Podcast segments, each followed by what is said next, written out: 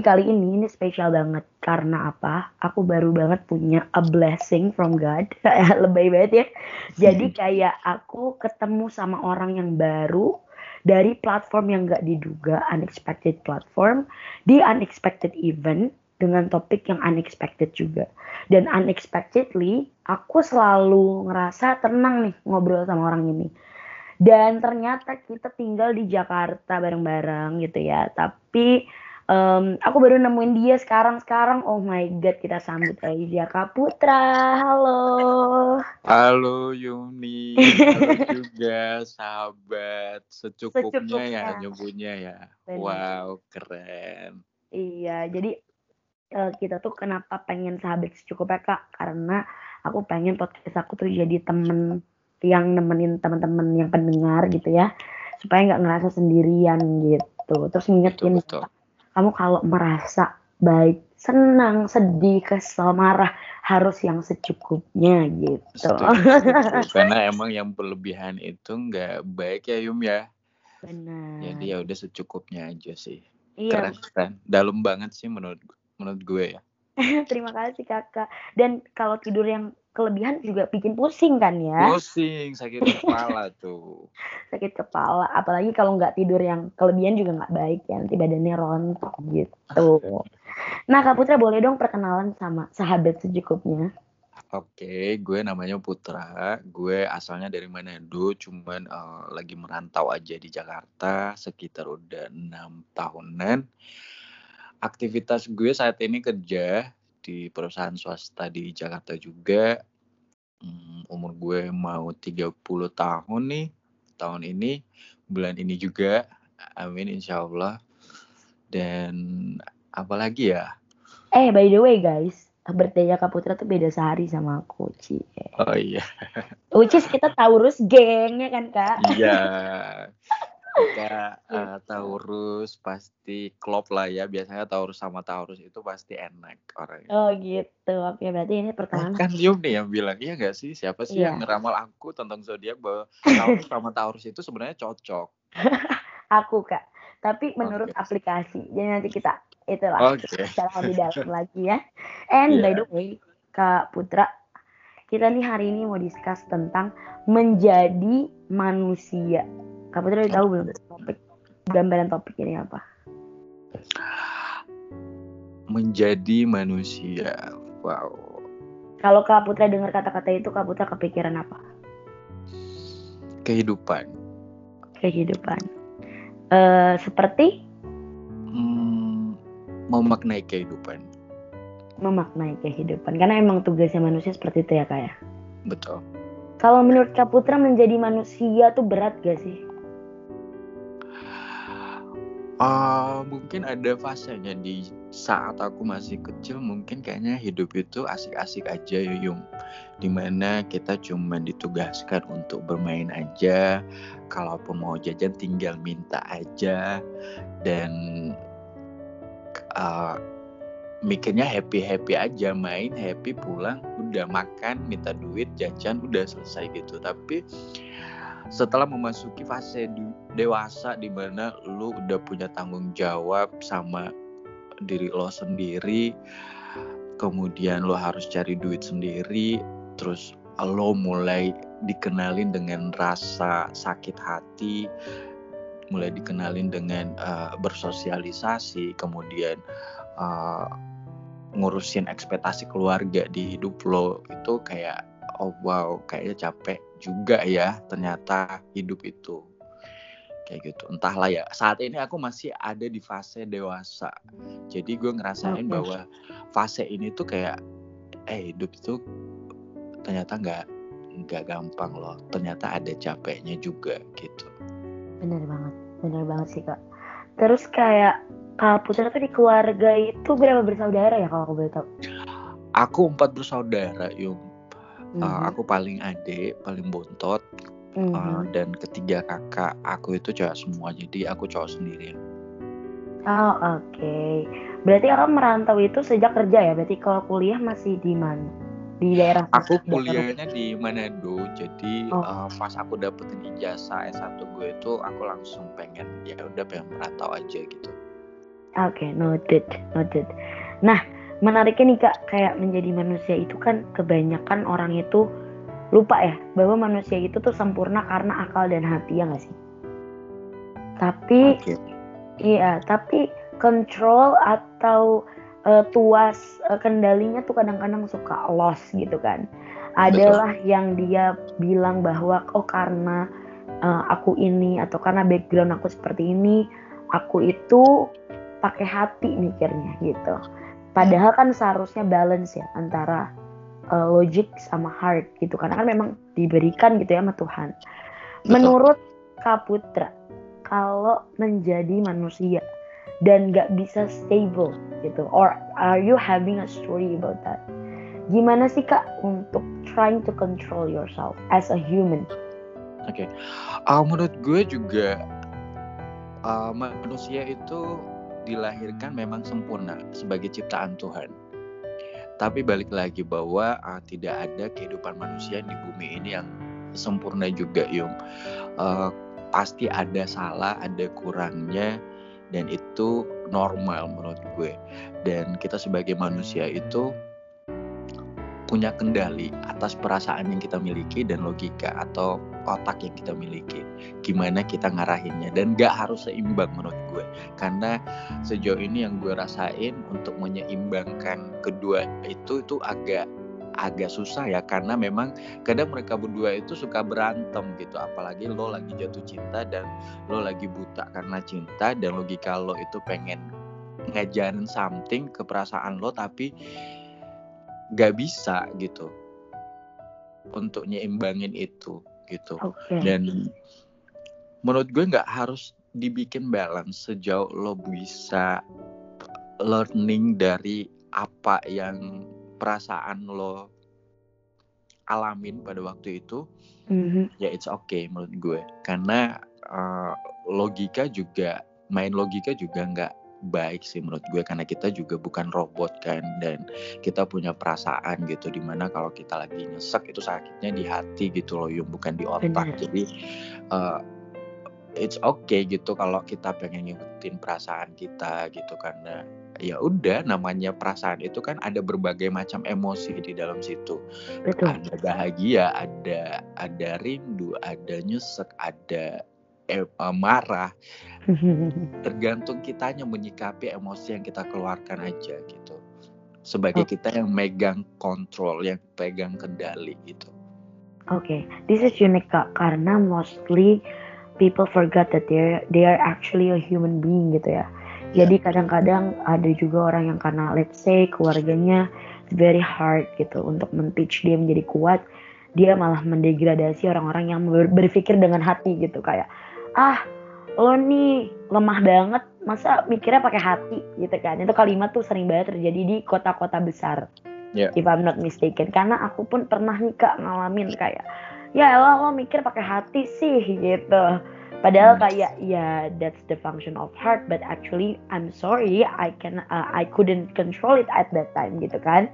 Nah yeah. terus akhirnya terkesan seperti memblaming each other the human being gitu. Kayak ah gue ini orangnya logik banget, jadi gue nggak bisa temenan sama orang yang hati banget gitu. Betul. Uh, memang banyak sih yang menyepelekan masalah perasaan bahwa ya. apaan sih galau-galau alay deh lu gitu iya, iya, kok iya. lu lebay gitu dan uh, sometimes gue mikir bahwa kok orang jahat ya kayak gitu kayak udah buta hmm. sama perasaannya. One day you bakalan ngerasain bahwa efek dari perasaan lo itu bakal ngancurin hidup lo kalau lo nggak bisa kontrol itu.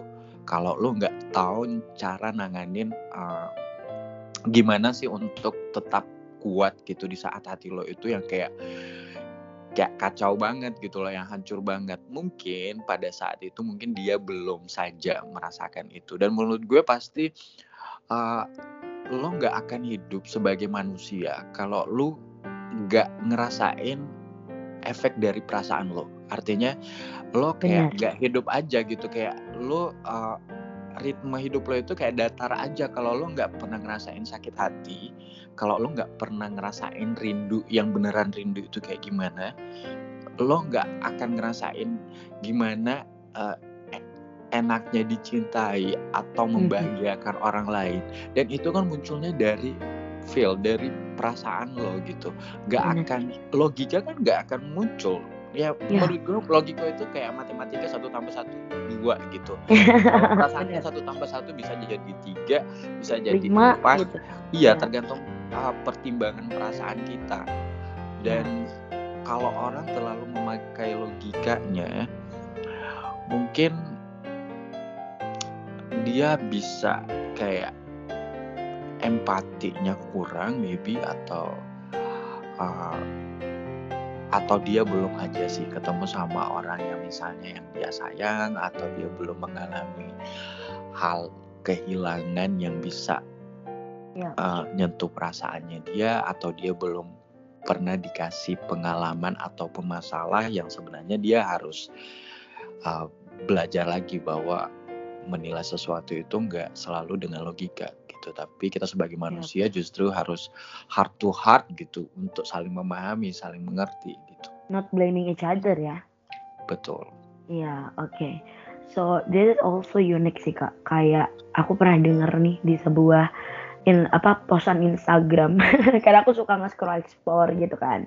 Terus Ya, habis itu ada yang bilang kayak gini, kalau mencari jawaban soal cinta, kasih dan sayang gitu ya. Kalau kita ada masalah terkait tiga hal itu gitu, use heart gitu, because that's uh, feelings is actually coming from there gitu kan. ya, Kayak kalau carinya di otak, you will never find the answer gitu kan. betul Dan ternyata postan itu kan itu kan diutarakan oleh eh, tokoh terkenal lah ya gitu.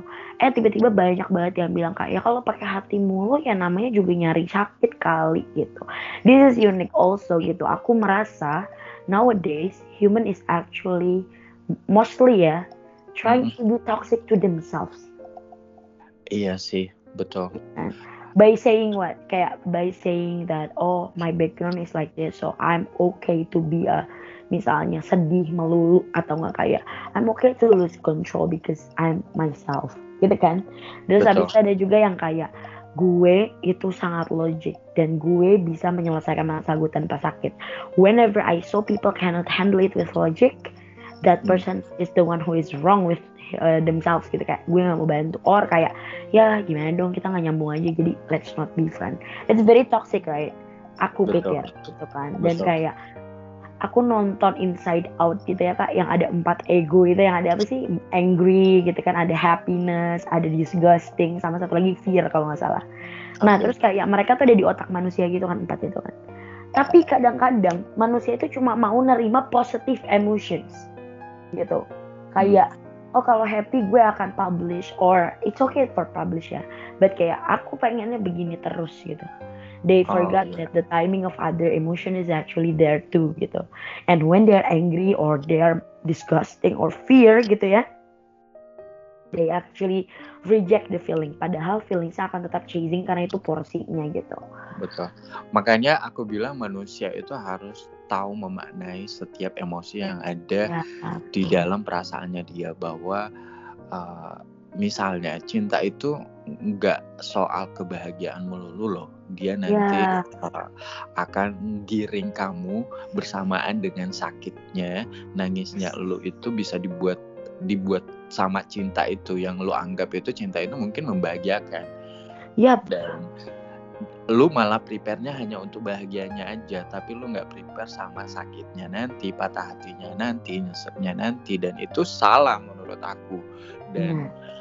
Uh, namanya emosi namanya kehidupan pasti akan ada-ada aja gitu sakit-sakitnya jatuh-jatuhnya nggak soal bahagia melulu menurut gue dan gimana kamu memaknai setiap masalah atau setiap emosi yang keluarkan di diri lo gitu.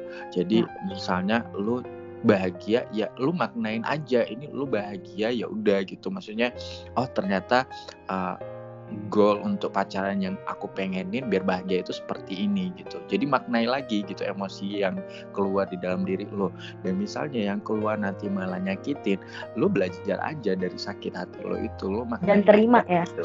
Dan terima aja gitu bahwa gak selamanya hidup itu tentang kebahagiaan aja, tapi ada sakit hatinya juga gitu. Dan kalau kamu bisa memaknai sakit hatimu bisa jadi nanti suatu saat nanti kamu akan hmm. lebih peka bahwa goal yang kamu pengen harapin uh, dari pacaran lo nanti, hubungan nanti lo hmm. nantinya gitu uh, akan seperti ini karena kamu udah coba di awal tapi ternyata sakit. Setidaknya itu yeah. ada ada apa ya perbaikan perbaikan dari hubungan yang sebelumnya misalnya karena efeknya kan sakit hati jadi yep. mungkin nextnya oh iya ini aku sakit hati gara-gara ini setidaknya ada perbaikan di hubungan selanjutnya gitu dan setidaknya nanti untuk selanjutnya kamu akan lebih kuat gitu karena kamu udah ngalamin gimana sakit hati itu gitu.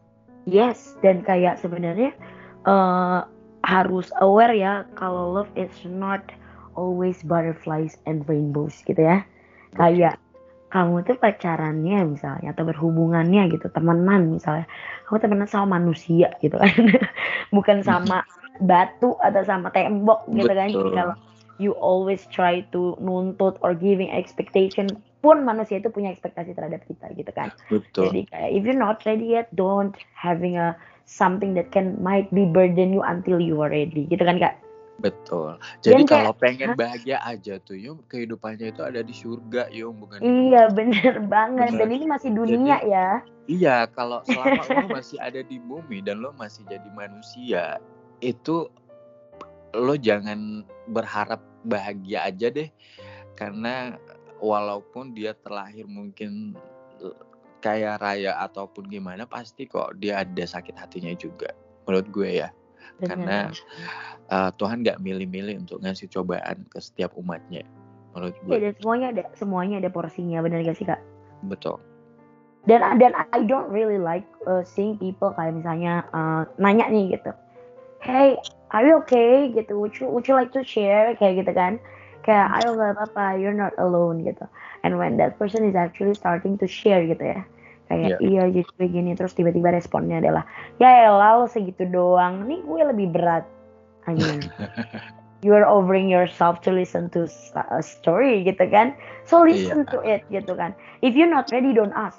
Ya gak sih? Betul betul.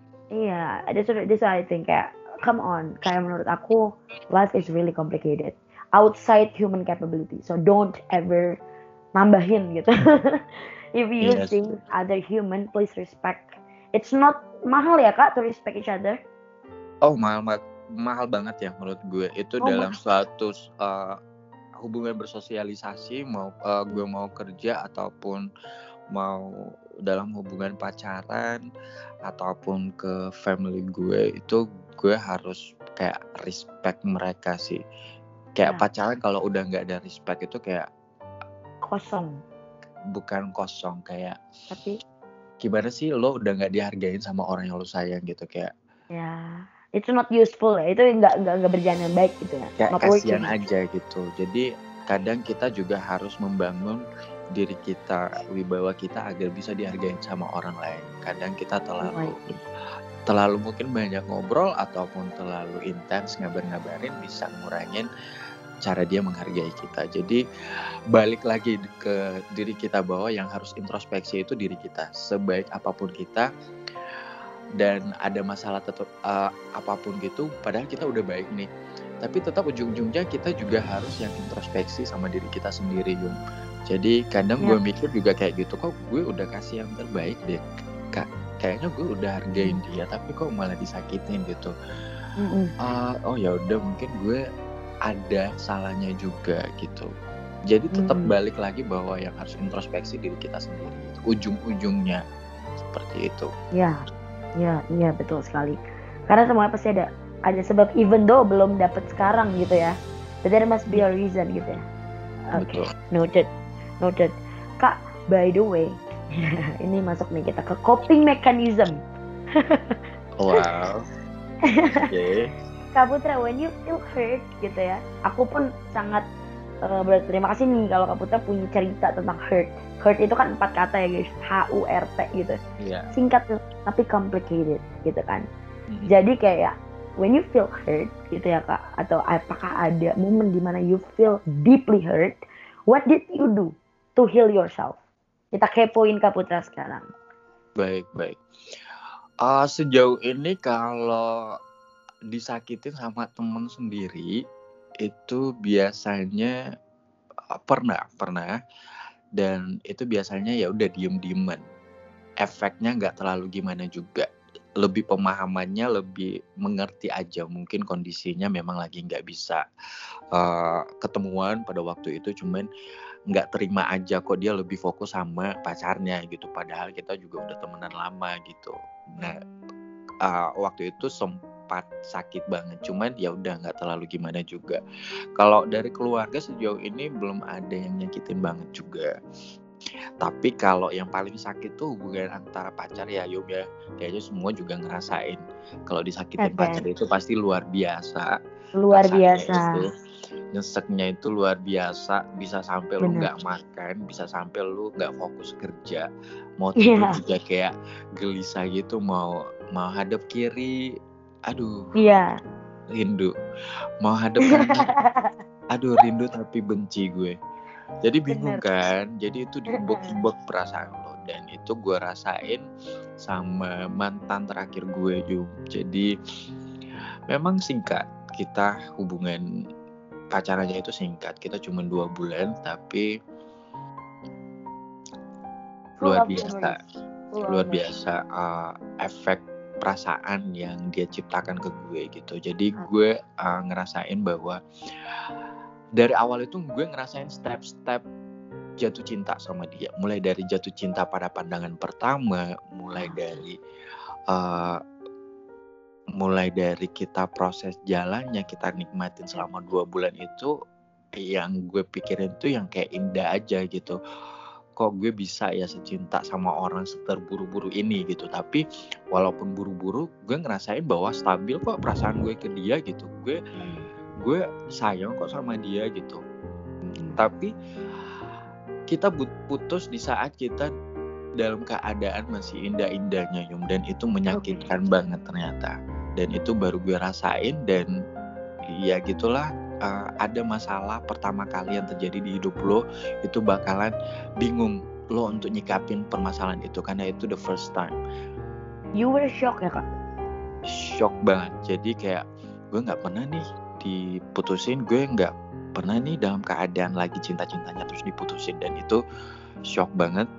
Dan dan gue bingung mau mau kayak gimana sih ini gue tanpa dia gitu di saat gue masih rindu sama dia pengen ngobrol sama dia tiap hari notifnya ada di handphone gue dan tiba-tiba udah enggak itu gue Oke. hancur gue hancur Okay. Okay. Okay. How many? Oh, what did you do when you do that coping mechanism? Are you are you trying to accept things?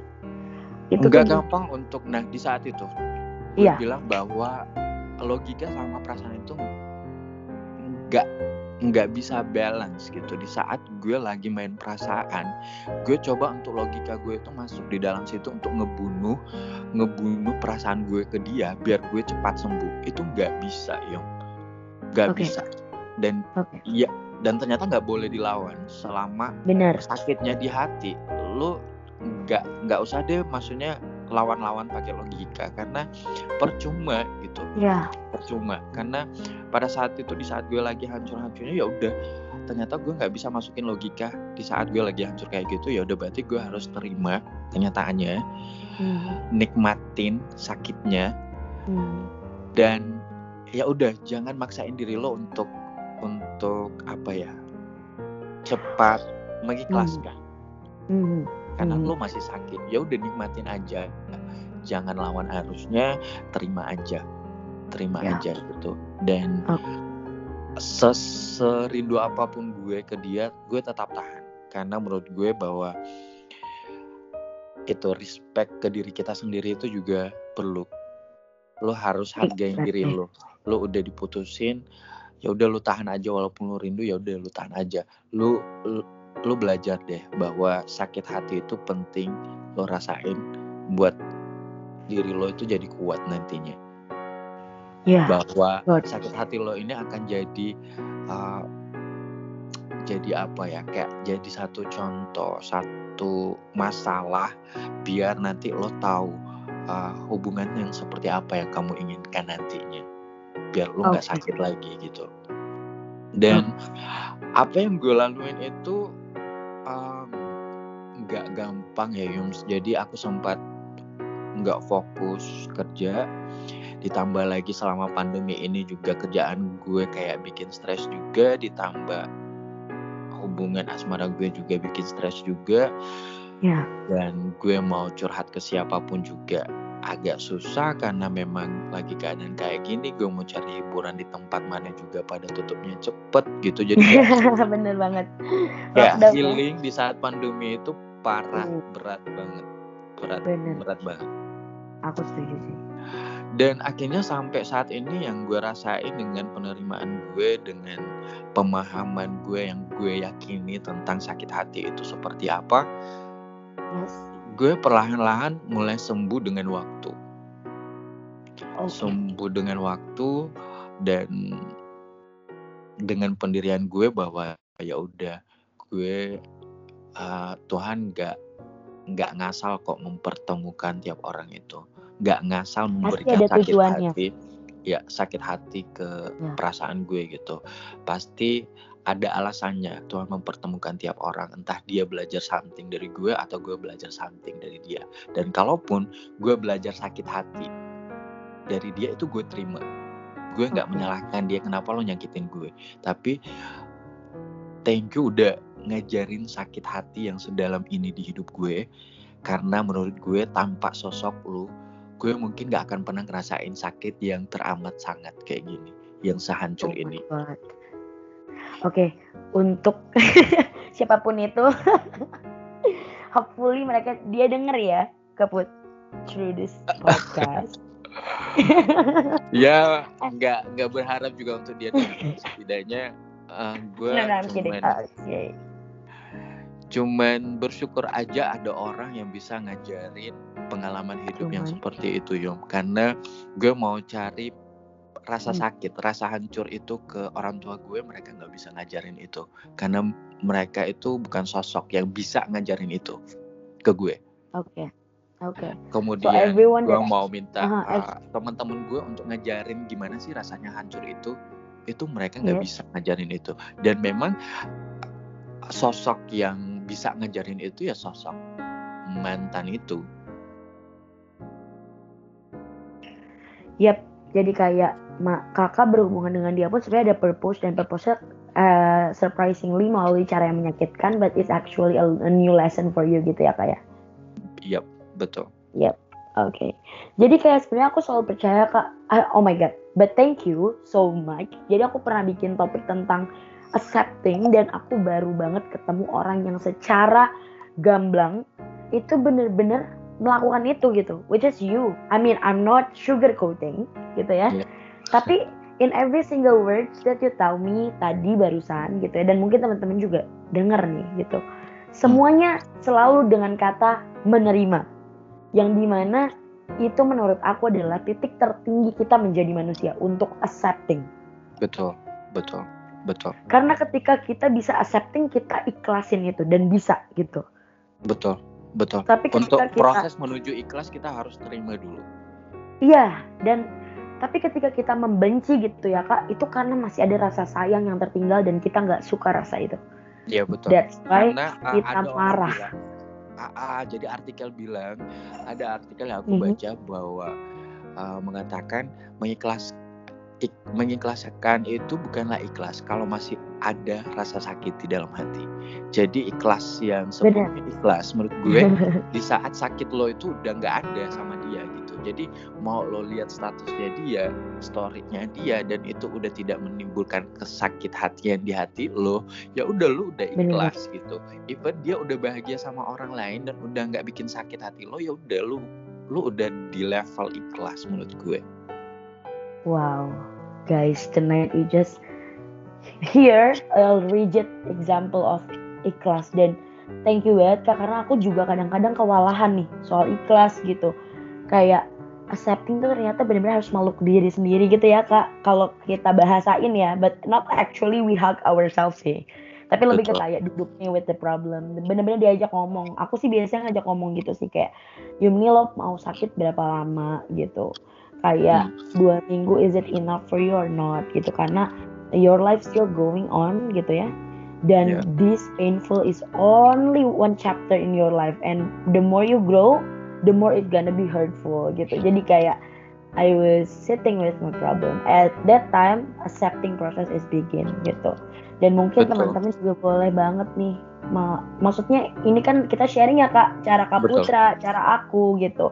Mungkin you guys bisa coba dengan cara kalian karena balik lagi kak Putra is not me and I'm not kak Putra but we can learning each other that's what I think. Benar gak tiap orang punya prosesnya masing-masing sih Yum cuman benar. uh, balik lagi ke diri kita. Kita mau cepat uh, cepat sembuh atau enggak?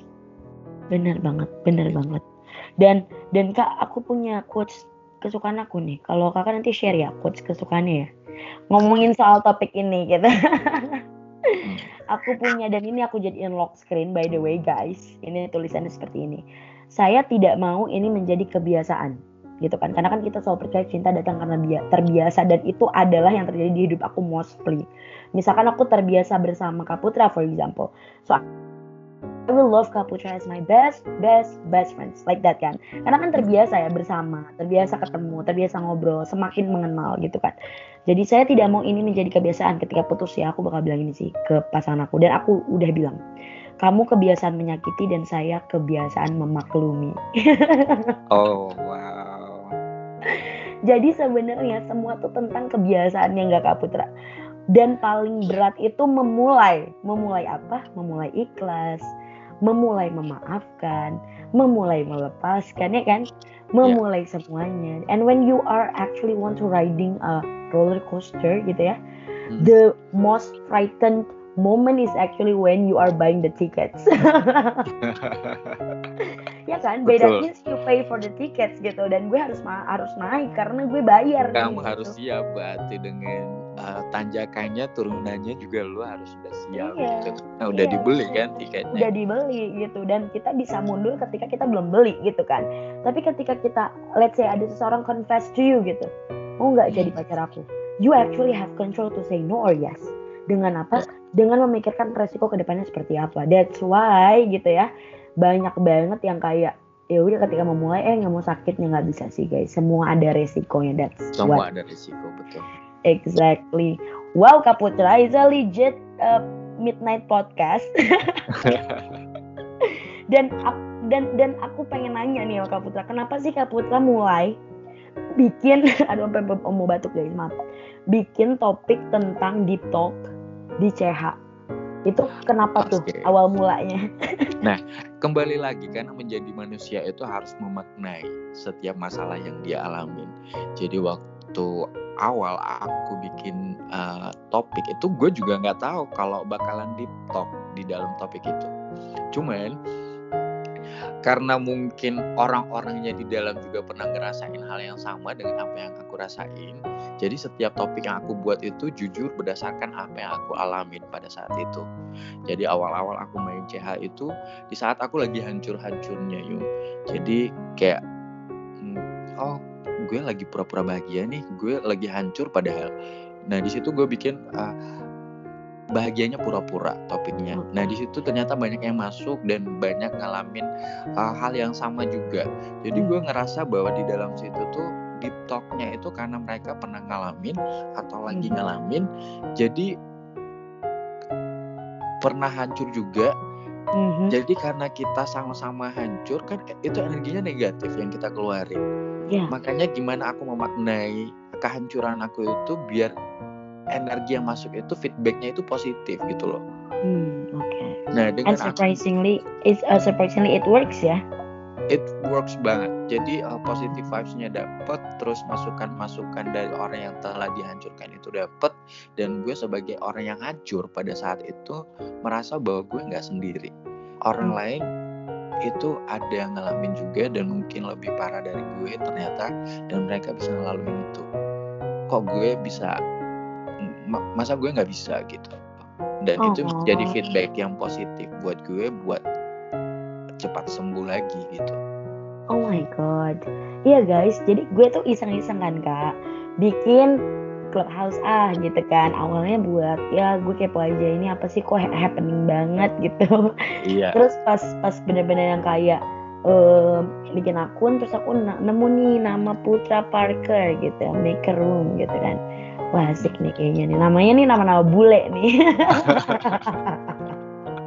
Tapi bener bule, bener bule guys, bu ceri bule chat sendiri ya kan.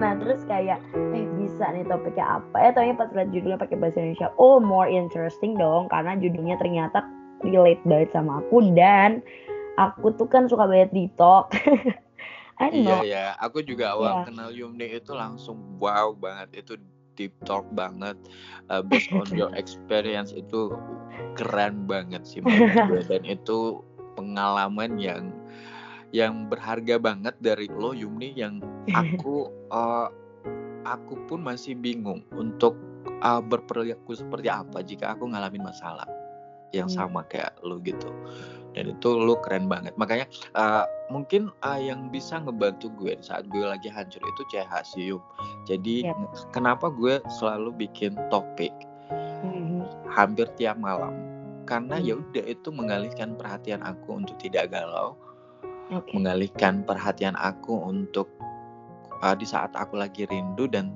tidak bisa mengungkapkan ya Iya. udah aku ungkapkan di CH Iya, that's how you actually cope with that gitu ya kak, handle that Yup. gitu kan. Dan dan he's not running away guys, really, I I I guarantee karena dia benar-benar yang kayak sharing dan listening. Aku jarang banget kak Putra ketemu orang yang legit listening with that patience, sabar banget gitu loh. Kayak oh my god kak Putra, bener-bener yang kayak ngedengerin every single story that people share iya It's- sih uh, an- a wonderful capability I think. Karena pun aku bisa mendengarkan gitu tapi dalam jangka waktu yang panjang gitu satu room banyak orang gitu ya. Dengan aku berbeda masalah iya juga ya. dengan berbeda masalah aku mungkin akan merasa overwhelmed gitu. Jadi kadang-kadang guys kita kalau bikin cahaya itu aku divisi yang ketawa aja. Gitu jadi kayak Kabita is just like my brother by the way so it's really helped me to deal with it tuh pada saat itu kak by the way dan aku juga lagi kayak overwhelmed dengan WFH and I met Hmm. you dan Iya. teman-teman gue tuh selalu percaya sama kata-kata yang kayak eh, ada teman yang distant kayak ditakdirkan buat ketemu sama kita nggak tahu di mana gitu dan kayak wow ternyata kalau gue tuh digerakkan bikin akun and I meet one of one of them is this person. Yay. Kembali lagi bahwa Tuhan nggak pernah uh, maksudnya pasti ada alasan Tuhan mempertemukan tiap orang termasuk Iya. mempertemukan aku sama Yumni entah aku belajar apa dari Yumni atau Yumni belajar apa dari aku gitu. Kita kan nggak pernah tahu. Kembali lagi tergantung kita memaknai setiap pertemuan. Exactly. benar nggak yes and thank you for being a God gift for me. Cheers. So Iya, that, thank you guys juga juga. Salah satu yang aku memaknainya itu luar biasa sih menurut menurut aku ya. Dan Yes. terima kasih sih sama Tuhan itu udah mempertemukan kita Yung. Sumpah sih aku senang banget. Dan kakak karena kita sudah penghujung satu jam talking session sama Cukup Podcast nih. Oh udah satu jam ya Yung gak kerasa kan? Asik ya? Tapi kan kita biasa ngobrolnya bisa lima jam lah ya guys. Jadi kira-kira aku pengen ada satu uh, conclusion nih dari Kaputra yang mungkin Kaputra tuh pengen banget sampein ke orang-orang gitu yang mungkin merasakan hal yang sama sama Kaputra or dealing with the same problem gitu. Dan apa sih itu kata-kata itu? Silahkan Kaputra Oke, karena ini topiknya menjadi manusia. Ah, aku mau bilang bahwa di umur aku yang mau 30 tahun menjadi manusia yang dewasa itu ternyata capek, guys. Tapi eh taulah bahwa di umur 30 tahun lo akan dihadapin sama masalah pekerjaan lo. Lo akan dihadapin sama bersosialisasinya lo, lo harus menentukan sosialisasi yang seperti apa yang bagus buat lo gitu. Kemudian lo akan dihadapin sama ekspektasi keluarga lo entah pernikahan ataupun apalah dan lo harus menuhin itu. Dan capek ternyata jadi man, menjadi manusia yang dewasa itu. Tapi uh, apa yang aku alamin walaupun capek ternyata kita harus tahu untuk memaknai semua masalah yang terjadi di kehidupan kita di saat kita udah dewasa bahwa bahwa perasaan itu emosinya ada banyak guys. Jadi nggak soal kebahagiaan aja nggak soal yang happy happy aja tapi pasti ada sakit hatinya ada hancurnya ada nyeseknya macam-macam dah pokoknya yang kalau berhubungan sama emosi gitu. Tapi uh, satu yang pengen aku pesan bahwa pemahaman yang kita yakini dari setiap masalah yang kita hadapin itu harus kita telah baik-baik. Jangan sampai lo salah pemahaman, terus lo yakini juga dan ternyata itu salah. Takutnya misalnya nih satu contoh, pemahaman kamu tentang uh, tentang maybe move on. Yes. Mungkin lu lama move on karena ada yang salah dari pemahaman yang lu yakini tentang move on Ya, oke. Okay. Wow, ya yeah, that's true. Dan itu hati-hati loh sama pemahaman yang lu yakini di dalam otak lo. Karena hmm. itu bisa membuat uh, lu yakini secara terus-menerus dan lu nggak tahu ternyata itu salah. Dan lu nggak move on move on ataupun lu move on tapi lima tahun kemudian. Itu parah menurut gue karena yeah. Uh, lu harus tahu dulu sama diri lo sendiri lu cari tahu nih pemahaman lo tentang masalah lo itu lu eskalasi lagi itu baik atau betul nggak pemahaman mm -hmm. lo itu yang lo yakini. Kalaupun salah itu please diganti. Oke okay. diganti. Cari uh, uh, cari pemahaman yang baru yang bisa bikin hidup lo itu lebih baik. Bisa buat lo jadi pribadi yang lebih baik Ya. Itu yang lo yakini. Kalau lo udah ya. yakini dan lo udah uh, lakukan di hidup lo, di setiap masalah lo, ya gue jamin lo akan cepat sembuh dari kehancuran lo. Ya, that's true. Bener bener. Kayak misalnya kakak makan nasi gitu ya. Terus yeah. kita lupa bahwa kalau makan itu harus pakai sendok sama garpu bener gak kak? Tapi once kita pakai sumpit gitu, nasinya nasi perak, nasi yang nggak nggak pulen gitu lama yeah. kan ya tuh ya habisnya ya? Betul.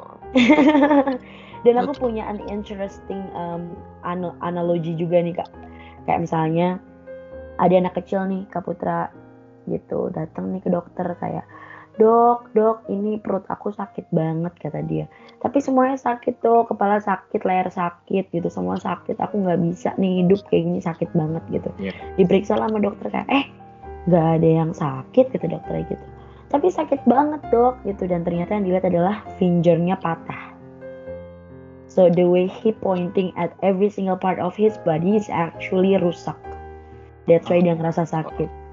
So ya aku setuju banget sama semua kalimat Kaputra tadi yang terakhir. Kayak you have to find gitu ya the yeah. the right way. When you feel about pain about life gitu ya about hurt Betul Betul. about happiness juga harus bener gitu perspektifnya, Betul. toolsnya, mindsetnya gitu.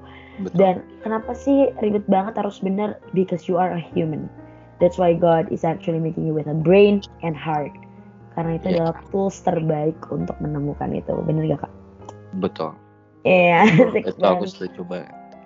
Karena iya. kalau uh, kebahagiaan mungkin orang ya udah sih kebahagiaan kayaknya nggak butuh banyak pemahaman yang harus kita yakini karena yep. efeknya juga ya udah gue happy walaupun itu semu walaupun itu sesaat tapi di saat dikasih sakit lo bisa hmm. salah paham sama uh, masalah sakit hati lo itu yeah. lo bisa galau berkepanjangan parah sih it's going to be really tortured us ya gak sih ah betul tapi kalau lo uh, meyakini mm-hmm. uh, menerima bahwa pasti ada hikmah di balik sakit hati yang gue alamin pasti itu perlahan-lahan dengan mm-hmm. berjalannya waktu lo akan menerima itu sakit hati jadi bahwa ya udah sakit hati itu penting di dalam hidup gitu yep.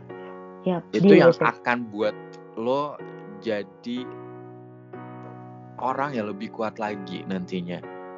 Kayak gitu. Hmm. Lo akan lebih siap dengan sakit hati berikutnya nanti. Bener banget karena hidup juga bukan tentang menemukan ya, tapi tentang Betul. mencari gitu. Betul. Betul. Terima kasih Kak Putra Sama-sama podcast. Yumi. Oh my god guys, by the way kayak ini ini tuh kayak random episodes karena aku benar-benar amazed with the way he's thinking and I think ini harus direkam supaya teman-teman bisa dengar gitu loh ya nggak sih kayak kan pod- Betul, eh, betul. podcast lagi CH itu kan baru bisa coba buat iOS ya jadi kayak ya aku pengen aja sih kalau ketemu orang kayak gini yang menenangkan jiwa aku pengen teman-teman juga bisa ikutan dengar gitu dan kenal sama Kak Putra thank you so much Kak Putra Sama-sama Yumni, semoga obrolan kita bisa menginspirasi atau Amin. ada hikmah yang bisa Amin. mereka ambil dari masalah kita berdua. Dari Amin, obrolan kita berdua. Amin ya.